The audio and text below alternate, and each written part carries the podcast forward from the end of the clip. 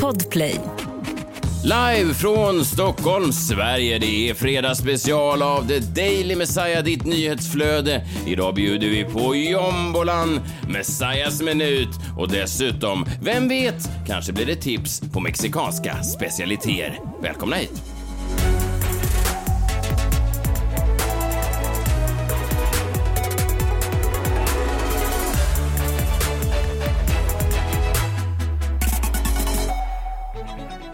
Jag sänder idag från mitt hem och jag heter eh, Messiah Hallberg. Klara Doktorow. John Melander Lambrell.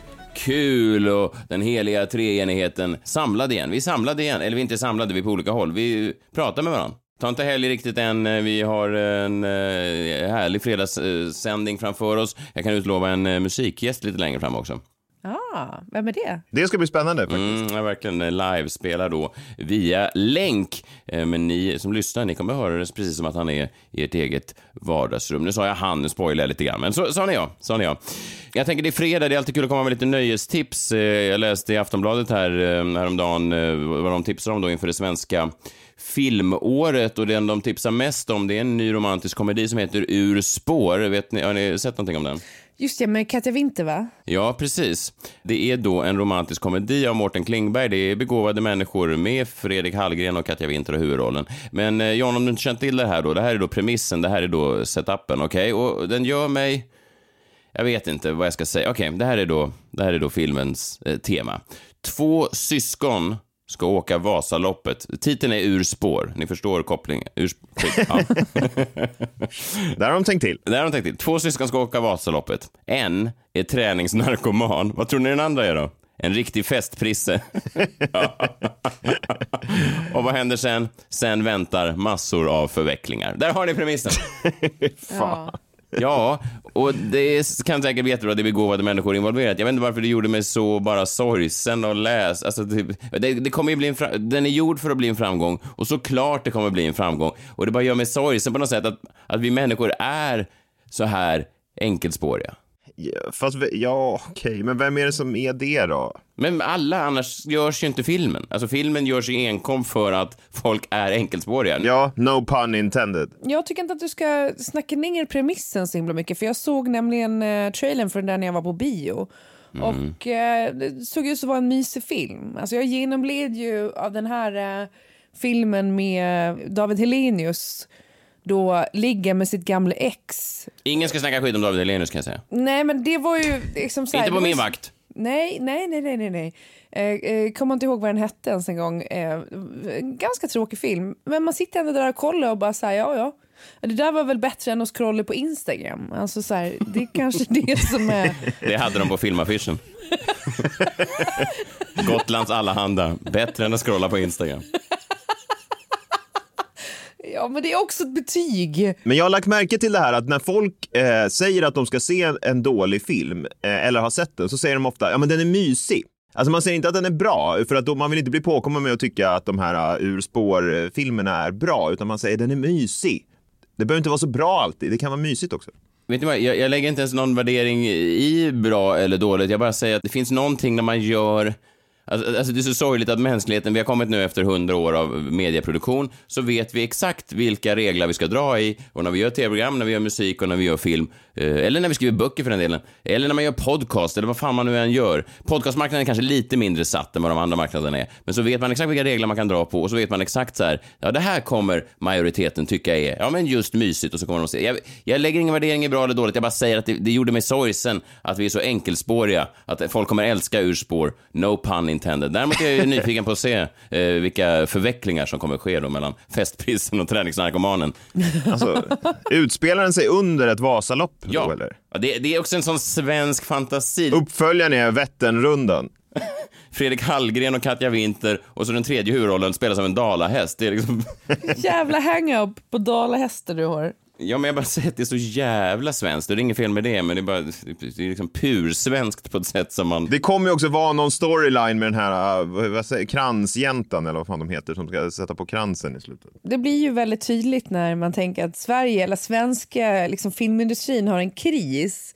När, när man också sitter och tittar på de här trailerna, alltså bland annat för den här och så, att man bara, okej, men är det här nivån då? För att nu tycker jag ju framförallt norsk film är ju på superframkant. Liksom. Och dansk film, ja. Och dansk film också såklart. Men, nej, men norsk kommer på slutet där. Vad är det som gör det då att både Norge och, eh, Danmark får fram dessutom publiksuccéer då? De, har- Danmark hade ju den med Mats Mikkelsen, En runda till.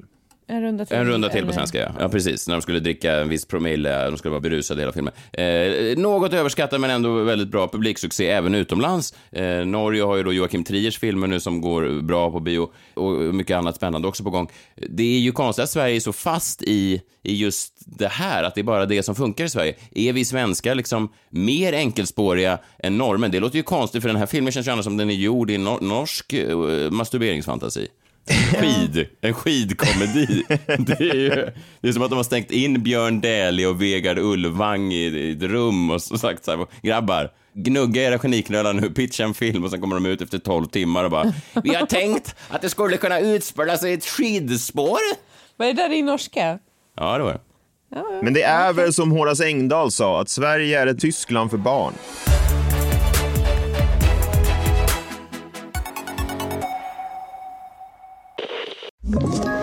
Ett poddtips från Podplay.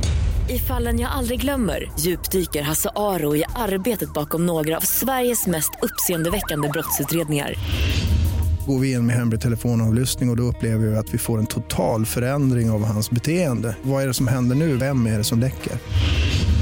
Och så säger han att jag är kriminell, jag har varit kriminell i hela mitt liv men att mörda ett barn, där går min gräns. Nya säsongen av Fallen jag aldrig glömmer på Podplay.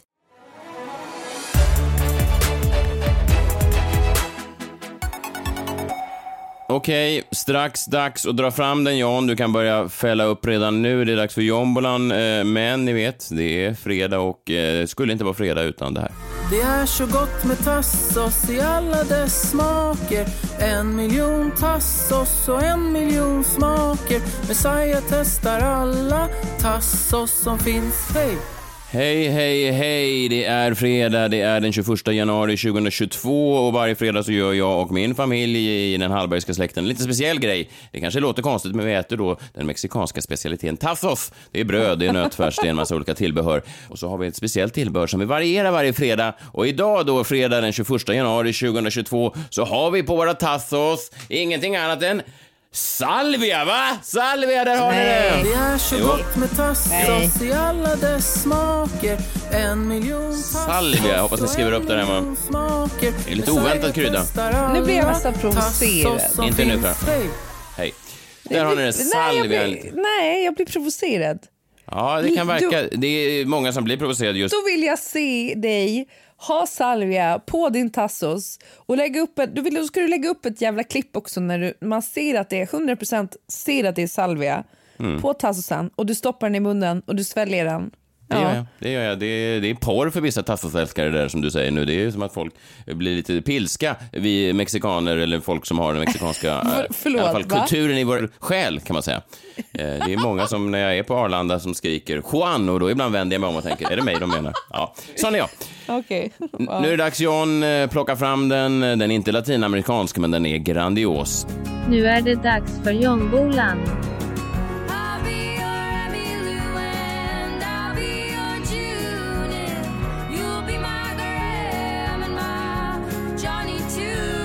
Nu är det dags för Jombolan. Ja. Och, Snurra nu då. Ja, jag hör. Du drar alltså en, du drar alltså en lapp ur eh, din eh, tombola varje, varje, varje dag och så står det någonting på den och då måste du då komma med en spaning blixtsnabbt oförberett eh, kring den. Ja, vad står det på Yes. lappen idag? Ja, men det får se hur det går idag. Det här är lappen då. 51-procentsregeln. Ja, ja. Jag såg faktiskt eh, några nya debattartiklar susa förbi här nyligen om den så kallade 51-procentsregeln. Den är väl ständigt aktuell och delar idrotts-Sverige i tur lite grann kanske man skulle kunna säga. Vad står ni i den frågan? Eh, jag fattar inte ens vad du pratar om. 51%-regeln är ju alltså att svenska idrottsklubbar måste till 51% ägas av medlemmarna. Det vill säga, det kan inte komma in någon rik oligark och köpa 100% av Djurgården till exempel. Jaha, vad spännande. Föreningen ska behålla makten då över klubbarna. Och det här hävdar man ju då länge har egentligen hindrat svenska klubbar från att kunna hävda sig längre då med europeiska storklubbar för att det inte finns ekonomi i att värva de riktigt stora spelarna eller behålla de stora spelarna och, och, och sådär. Nej, precis. Att varför skulle en rik eh, affärsman eller affärskvinna gå in och köpa en svensk klubb och verkligen satsa på att köpa in eh, de bästa spelarna om den personen inte ens får bestämma i klubben? Den kan bara äga 49 procent och då, då är det någon annan som bestämmer. Så många tycker ge svensk fotboll en chans, eh, framförallt fotboll då, ge svensk fotboll en chans att kunna konkurrera på den internationella marknaden medan vissa hävdar då att vi ska behålla våra idrottsföreningar och inte sälja ut det till oligarker och Saudiarabien och så vidare. Men vadå? Vad, är- vad känner ni? Vad tycker ni? Jag vet inte, John, har du något bra belägg för varför det ska vara så här? För jag har aldrig riktigt förstått varför inte. Alltså, alltså, jag kan vara lite gubbig, jag kan tycka ibland så här, jag kan sitta hemma och säga så här, vad fan, får de, får de flera miljoner kronor för att lira boll, va? Men om det nu är det... Säger du verkligen så? Nej, jag säger kanske inte exakt så, men jag har hört eh, den åsikten eh, ventileras i diverse radioprogram. Jag kan nicka i min ensamhet och tänka, ja, det är ju lite märkligt. Men, men om det nu är det universumet vi, vi befinner oss i, om, om vi då har lämnat Glenn Hussein-universum bakom, där man bara fick no några öl eh, i omklädningsrummet efter och lite chilinötter, om man nu istället får de här miljonerna, så måste man ju, jag förstår inte varför svensk fotboll ska vara lämnad i smutsen bakom resten av ligorna. Det, det, blir ju, det hade varit roligt för mig som aik att kunna se AIK någon gång ta sig fram i Europa. Det hade varit roligt att se. Ja, och det är väl det starka argumentet eh, mot 51 regeln. Men samtidigt, man har ju samma regel i Tyskland och, och där går det ju rätt bra för Bayern München och andra klubbar. Men Tyskland befinner sig också på en helt annan plats. Att eh, de har ju byggt upp den här ekonomin på något sätt eh, över lång tid och det, det, det är ju många som hävdar att det- Sverige kommer aldrig kunna göra det utan vi behöver eh, privata pengar in i, eh, i svensk fotboll då för att det ska kunna lyftas. Tyskland är också geografiskt större. De har liksom fler bättre fotbollsspelare, det säger sig självt eh, såklart, än, än vad Sverige har. Men i alla fall så dök det upp en dokumentär på SVT häromdagen som heter Allsvenskan, här kommer degen. Har ni hört talas om den? Handlar om eh, Degerfors, va? Ja, kanske den mest svenska klubben av dem alla och som verkligen är Ja, men de är ju nästan 51% regeln personifierad eller klubbifierad. Och här hittar jag då, eh, när jag tittar på första avsnittet av en dokumentär, här är väl argumentet då för 51% regeln tänker jag. För det, handlar ju då, de gick ju upp i allsvenskan för första gången på 27 år förra säsongen. Eh, och det är ju såklart en, en solskenshistoria det här att lilla Degerfors kan eh, vara uppe och mäta sig med de stora Stockholms och Göteborgs eh, och Malmöklubbarna. Minns du vad den stora stjärnan hette i Degerfors sist de var uppe? Ja, mål-Otto. Ja, precis. Ja, jag vet inte om jag minns det eller om jag har hört, talas om det i efterhand, men Mål-Otto är också, om man pratar om urspår, som någon slags eh, någon dröm om det forna Sverige. Mål-Otto är på något sätt ett, ett smeknamn som inte ges längre till fotbollsspelare. nej, nej men ingen kunde ju köpa mål-Otto. Liksom. Alltså, det var ju, han var ju en föreningskille. Han var ju fastspikad på Stora Valla. Ja. Jag kunde inte ens hänga med på bortamatcherna. Nej, och jag, men jag fastnade för en scen här i den här dokumentären som jag tror säger ganska mycket om hur svensk fotboll ser på sig själv och ser på den här 51%-regeln. För i den här scenen då så är det en delegation från Degerfors, klubben, som är på väg att träffa två nyförvärv som de gjort inför sin återkomst i allsvenskan inför säsongen. Och det är sportchefen och, och några andra då och de diskuterar sin värvningspolicy som man har i Degerfors. Det är en som eh, sitter med här som undrar om de kanske inte ska plocka in lite internationella spelare nu när de är tillbaka i allsvenskan för att kunna konkurrera. Och då svarar sportchefen på det. Vi kan väl lyssna. Men Patrik, det här med nyförvärv och sånt, är det, är bara, det blir jättekrångligt om man skulle ta någon från Nordamerika eller... Problemet är att jag är dålig på engelska så det brukar rinna ut i sand. Vi vill ju ha spelare från Degerfors helst. Och går inte det så vill vi ju liksom vara så nära oss som möjligt. Ja, och det är ju rätt fint eh, får man ändå säga. Jag tror på något sätt lite grann på det där, för Degerfors har ju faktiskt varit väldigt framgångsrika i fotboll för att vara en så liten ort. Det är ju, det är ju pyttelitet och inte så stora ekonomiska muskler. Och kanske är det receptet att de har haft folk från trakten som liksom, de brinner för klubben och allt sånt där. Och då tänker jag, ja men det här är väl lite fint ändå. Ett argument för eh, 51%-regeln. Men det verkar inte bara vara det, för sen säger sportchefen något ytterligare om värvningspolicyn. Och det är att spelaren måste inte bara komma från trakten, han måste också vara korkad. Det är ju speciell liksom, jargong också i, i Degerfors IF. Vi hade ju en som provtränade där från Skövde tror jag, som läste på Chalmers i Göteborg. sa jag direkt att där är det ju kört om man säger. Den kan vi inte ta. Han har ju ingen att prata med i omklädningsrummet. Det får inte vara för smarta människor som kommer heller. Det måste, det måste klicka på något sätt. Åh nej. Ja, det får inte vara för smarta människor som kommer, utan det måste klicka. Man får inte läsa på Chalmers. Ja, men jag vet inte. Värvningsmålen inne- innefattar ju då att det ska inte vara för smarta människor som har pluggat och sånt där, utan eh, Men, det ska men, vara... men vadå, så varje gång en ny spelare anländer till Degerfors omklädningsrum så ger de honom en, en, en bok och om han inte håller den upp och ner då så ryker han direkt. Ja, jag antar att de ska testa det här på olika sätt för att det är också intressant för de är ju på väg att träffa två nyförvärv som de har gjort. Och då undrar man ju då, passar de in på den här profilen eh, som de vill ha? Vi kan lyssna. Det får inte vara för smarta människor som kommer heller. Det måste, det måste klicka på något sätt. Men de här två herrarna här som vi ska till nu, det har ju känts bra hela tiden. Så det tror jag att, att det kommer att bli bra. Här är två riktiga dumbommar. Ja, men det är så jävla kon... alltså, det är så taskigt att så här, vi vill inte ha några smarta människor, men de här två vi ska träffa nu, det blir inga problem. Jag ser inga problem där. Eh, så att, Det är som att gå på dejt och säga så här, men jag har gett upp det här med att, med att dejta snygga tjejer och sen så står då ens dejt precis bredvid en när man berättar det för sin kompis. Ja, ungefär. Ja, så att det, det, det är någon, jag vet inte om det är en komplimang till de här två stackars nya, nyförvärven då som de har tagit in från trakten. Nej, fast om man ska vara fair så tror jag inte heller de hänger med. Nej, kanske inte. Men eh, jag tycker i alla fall att efter att ha sett det här att det är uppfriskande att ha ett lag i allsvenskan som verkligen gör sin grej. Så behåll 51 regeln tycker jag. Vi vill inte ha för många smarta människor i svensk fotboll.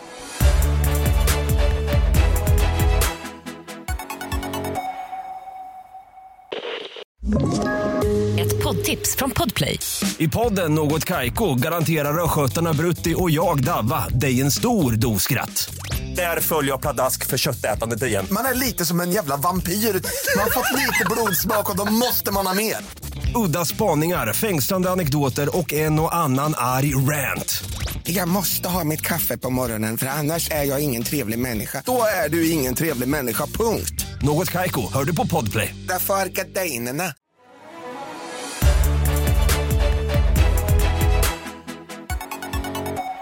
Jag har ju så länge, alltså sen, eh, ja men egentligen hon slog igenom Britney Spears, varit ett superfan av, av henne och varit på konserter och sådär. Eh, och nu börjar det bli ganska rafflande på hennes sociala medier. Jag vet inte om ni följer henne på sociala medier? Nej, jag tror faktiskt inte jag följer henne, men, jag, men det är svårt att undvika. Det, det dyker upp i flödet ändå. Hon är ju, så att säga, hon verkar vara en populär eh, tjej. Nej, men alltså hon är ju den som har fått mig att återvända till Twitter också. För först nu, eh, det är nämligen så att hennes syster då, Jamie Lynn Spears har eh, släppt en bok som i höstas så kom det ut att den skulle heta I must confess. Men det har ju varit väldigt, eh, det blev dålig stämning där för I must confess är ju från Hit me baby one more time. Det är ju en line ifrån den. I must confess that ja, my my loneliness loneliness. Ja, precis. Ja. Eh, bytte namn till den, så nu eh, heter boken då Things I should have said. Bland annat så eh, berättar hon ju då om, om en situation där Britney Spears har låst in sig med henne när hon var 12 år gammal och en kniv för att Britney då var rädd. Och Det har lett till att Britney Spears nu håller på att skriva en massa eh, med, kryptiska meddelanden på sina sociala medier. Och Jamie Lynn Spears gör väl ungefär samma sak och sitter i liksom intervjuer för den här boken och så vidare. Här i veckan så la hon ju bland annat ut då, först att hon inte skulle skriva något mer i sociala medier, eh, i alla fall på Instagram. Hon har fått för sig att på Instagram så ska hon liksom inte skriva för mycket text. Ändå så varannan dag så lägger hon upp ny text där igen. Det är väldigt svårt att hänga med. Men där hon i stort sett, tycker jag, lägger över jättemycket eh, ansvar då på den här eh, Jamie Lynn Spears som är hennes lilla syster. Alltså det jag tycker typ att hela Free Britney, all, alltså Britney själv, hela gänget nu som håller på kring den här Free Britney-rörelsen glömmer bort det att Jamie Lynn, hon var ju ett barn när allt det här hände. Alltså hon var inte ens myndig när Britney hamnade i sitt conservatorship.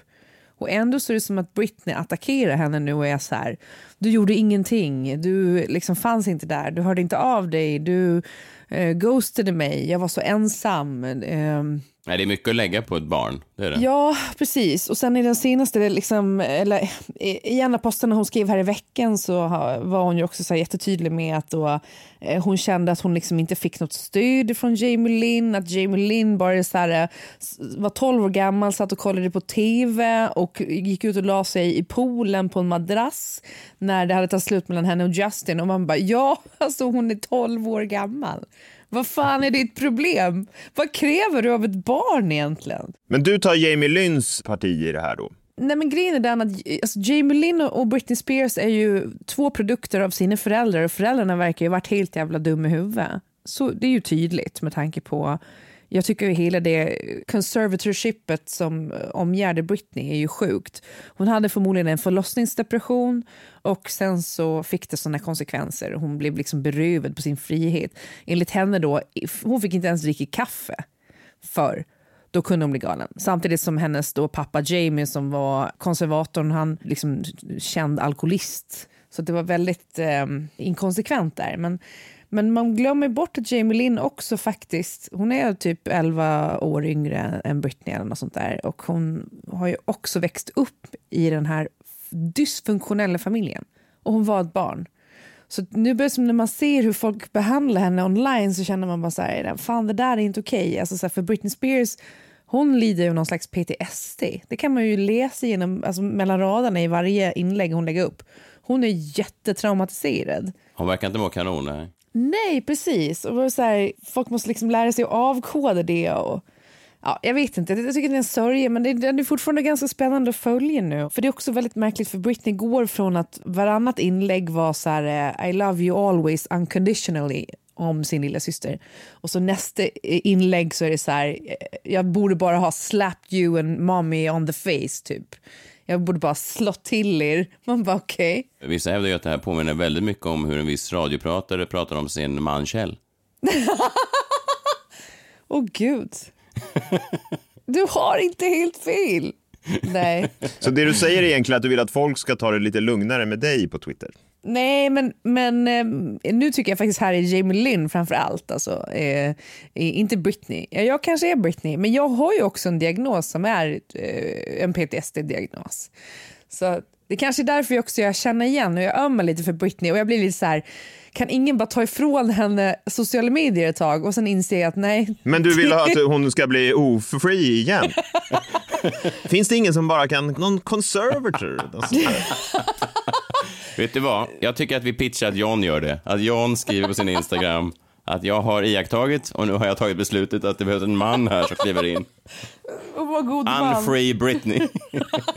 ja, men det är roligt Nej. att Klara, du var ju free Britney alldeles nyss. Jag är 100% free Britney, men jag vet också att att med, i den här eh, samtiden vi befinner oss i, när folk blir cancelled till höger och vänster och folk blir eh, liksom, utsatta för troll, så känns det som, det är en väldigt, väldigt obehaglig situation för det har ju också Jamie Lynn varit väldigt tydlig med att Britney Spears har gjort så att hennes familj blir dödshotad och Britney kan avsluta det när som helst. Men väljer att inte göra det för att hon är så jävla arg. Hon är så arg på sin familj för hon känner sig så sviken. Men hon glömmer perspektivet att Jamie Lynn var ett jävla barn och förmodligen är lika gaslightad av sin familj som Britney har varit. Alltså hon är ju jätte, de är manipulerade båda två av de här eh, hemska föräldrarna. Ja, vad gör Jamie Lynn idag? Jag tänker, hon har ju levt ett märkligt liv att vara så känd för att ens stora syster är artist. Jag tänker Jamie Lynn, nästan alla vet ju vem Jamie Lynn Spears är också. Ja, nej, hon, hon har haft en eh, Netflix-serie som jag tror kommer en andra säsong på nu som heter Sweet Magnolias. Jag har inte sett den själv, men, men eh, och det är väl lite det Britney hävdar också, att så här, everything was given to her. Att hon har fått allting serverat och att hon hade inte haft sin Nickelodeon-serie då som hon hade när hon var 12 år om det inte var för Britney och så vidare. Men alltså, det är inte relevant tycker jag. Det, det har inte med någonting att göra. För att hon har ju också drabbats av baksidan av att hon kommer alltid att vara Britney Spears syrra. Och hon kommer alltid att vara en del i den här cirkusen. Alltså så här, det som hände då med, med eh, skvallerpressen och allting, så som de utsatte Britney, utsatte egentligen då Jamie Lynn och alla de här, det är ju fruktansvärt liksom. Ja, jag kommer ihåg, jag höll på med medieträning förut och då tog jag liksom olika exempel på hur man nyhetsvärderar i rubriker. Och då, jag kommer ihåg en rubrik som jag visade som exempel i Aftonbladet Klick som var rätt otrolig och den var Okänd kille kan vara pappa till Britney Spears systers barn. jag tyckte att den var så, alltså det viktigaste där är hur fasiken får vi in Britney i det här? Ja, herregud. Alltså, bara det var ju en, tror jag, en ganska tydlig så här, eh, från Jamie Lynns sida, någon slags strejk att hon valde då att eh, föda barn när hon var 16 år. Hon blev gravid när hon var 16 år eh, då med en dotter som nu heter Maddie och valde att gå vidare med den graviditeten. Men jag tycker det är häftigt ändå. Alltså, så hon, förs hon försöker ju. Fan, det kan ju inte vara lätt för henne heller. Nej, har Maddie en Netflix-serie på gång? Säkert. Skulle inte förvåna mig. Vet ni vad, kan jag avslöja vem det är då? Det är um, den, alltså, musikgästen den här veckan. Vad pågår nu på Klaras... Va? Hur mycket hud? Vadå? Vad händer? Vad händer? Klara stoppar upp Varför tittar mobilen du i... för? Vad gjorde du? Det var väldigt mycket hud helt plötsligt. Åh gud. Vi kände då via bildskärm. Vad, vad är det? Har, har Klara... Flashade hon? det? Nej, det var bara mycket hud. Nej, jag, jag såg inte konturerna. Jag såg hud bara. Nej men gud förlåt. Ni kanske märkte att jag nys nyss. Men nyser du med... Eller vad? Men jag, jag, jag nys, jag, det är en serie av unfortunate events. Jag nys, vilket gjorde att jag kissade lite i byxan. Mm. Här är dagens minut.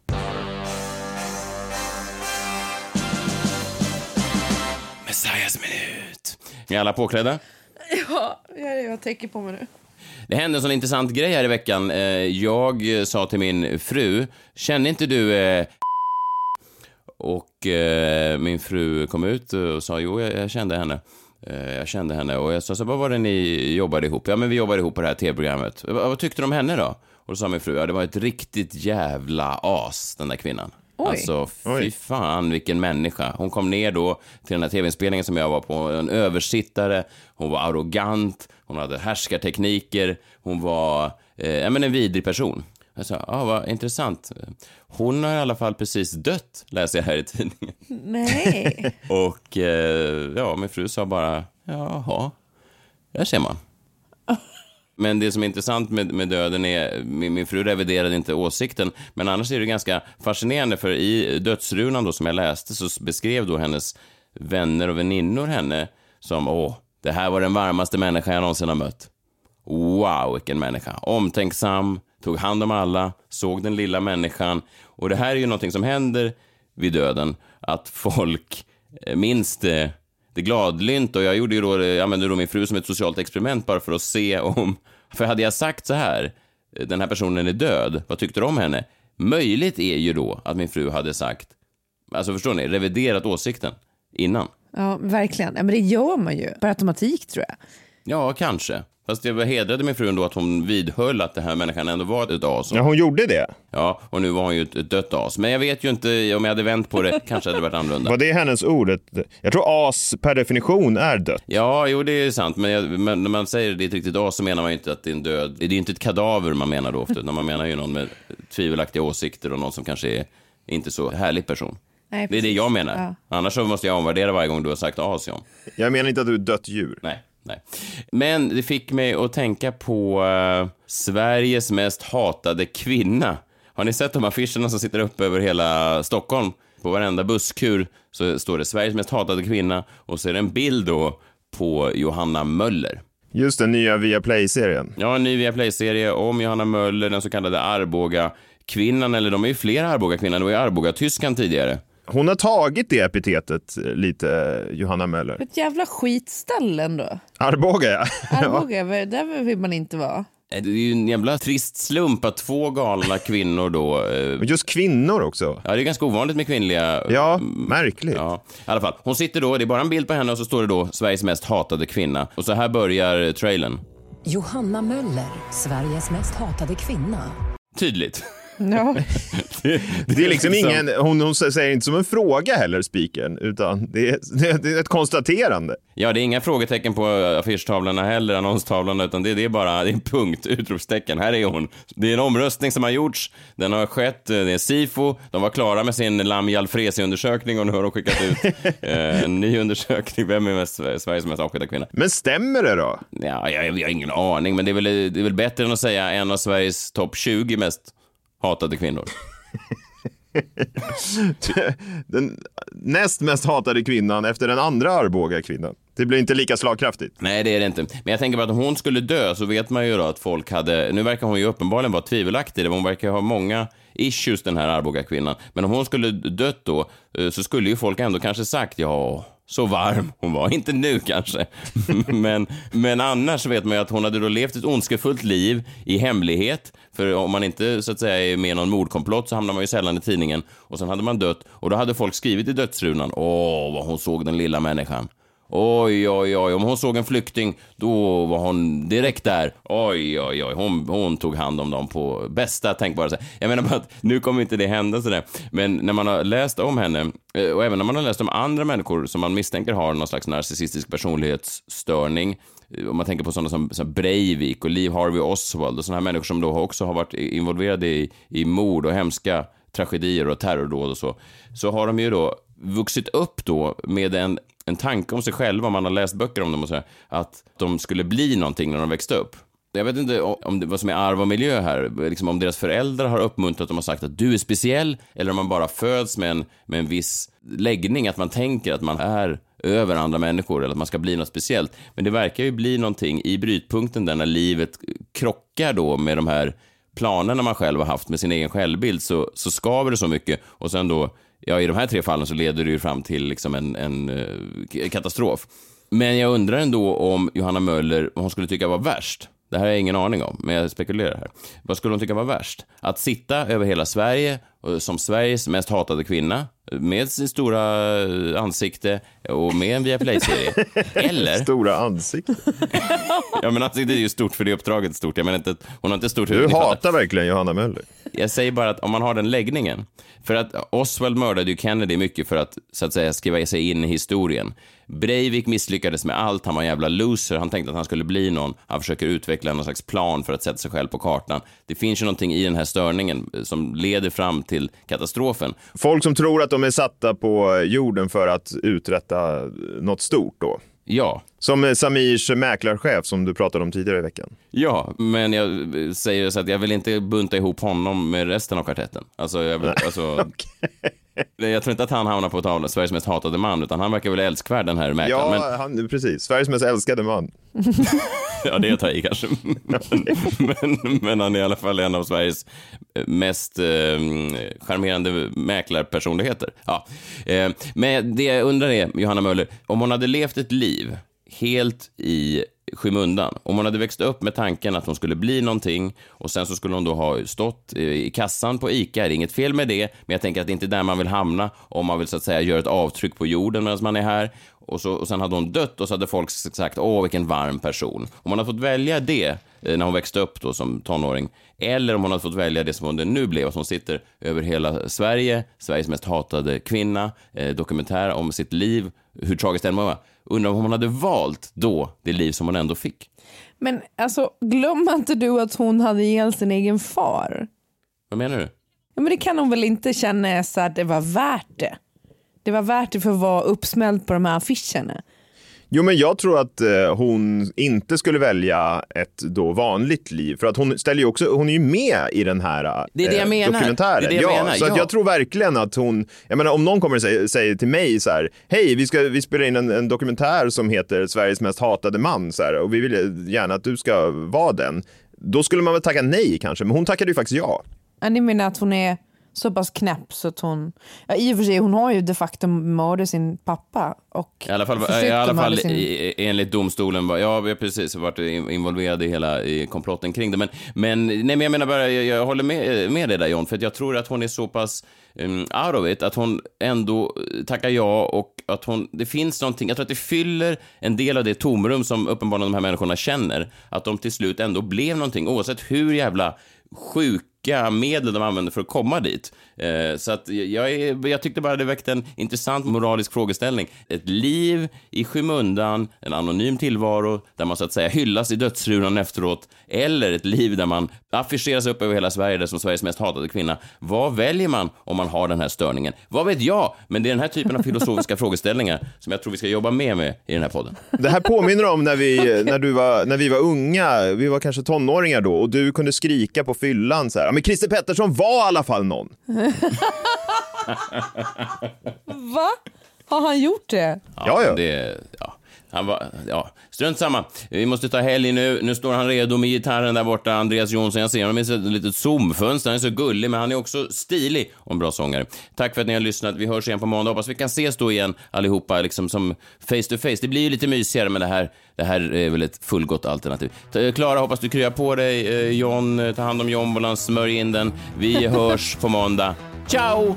Ciao! Hej! Friday, Friday, gotta get down. Everybody's looking forward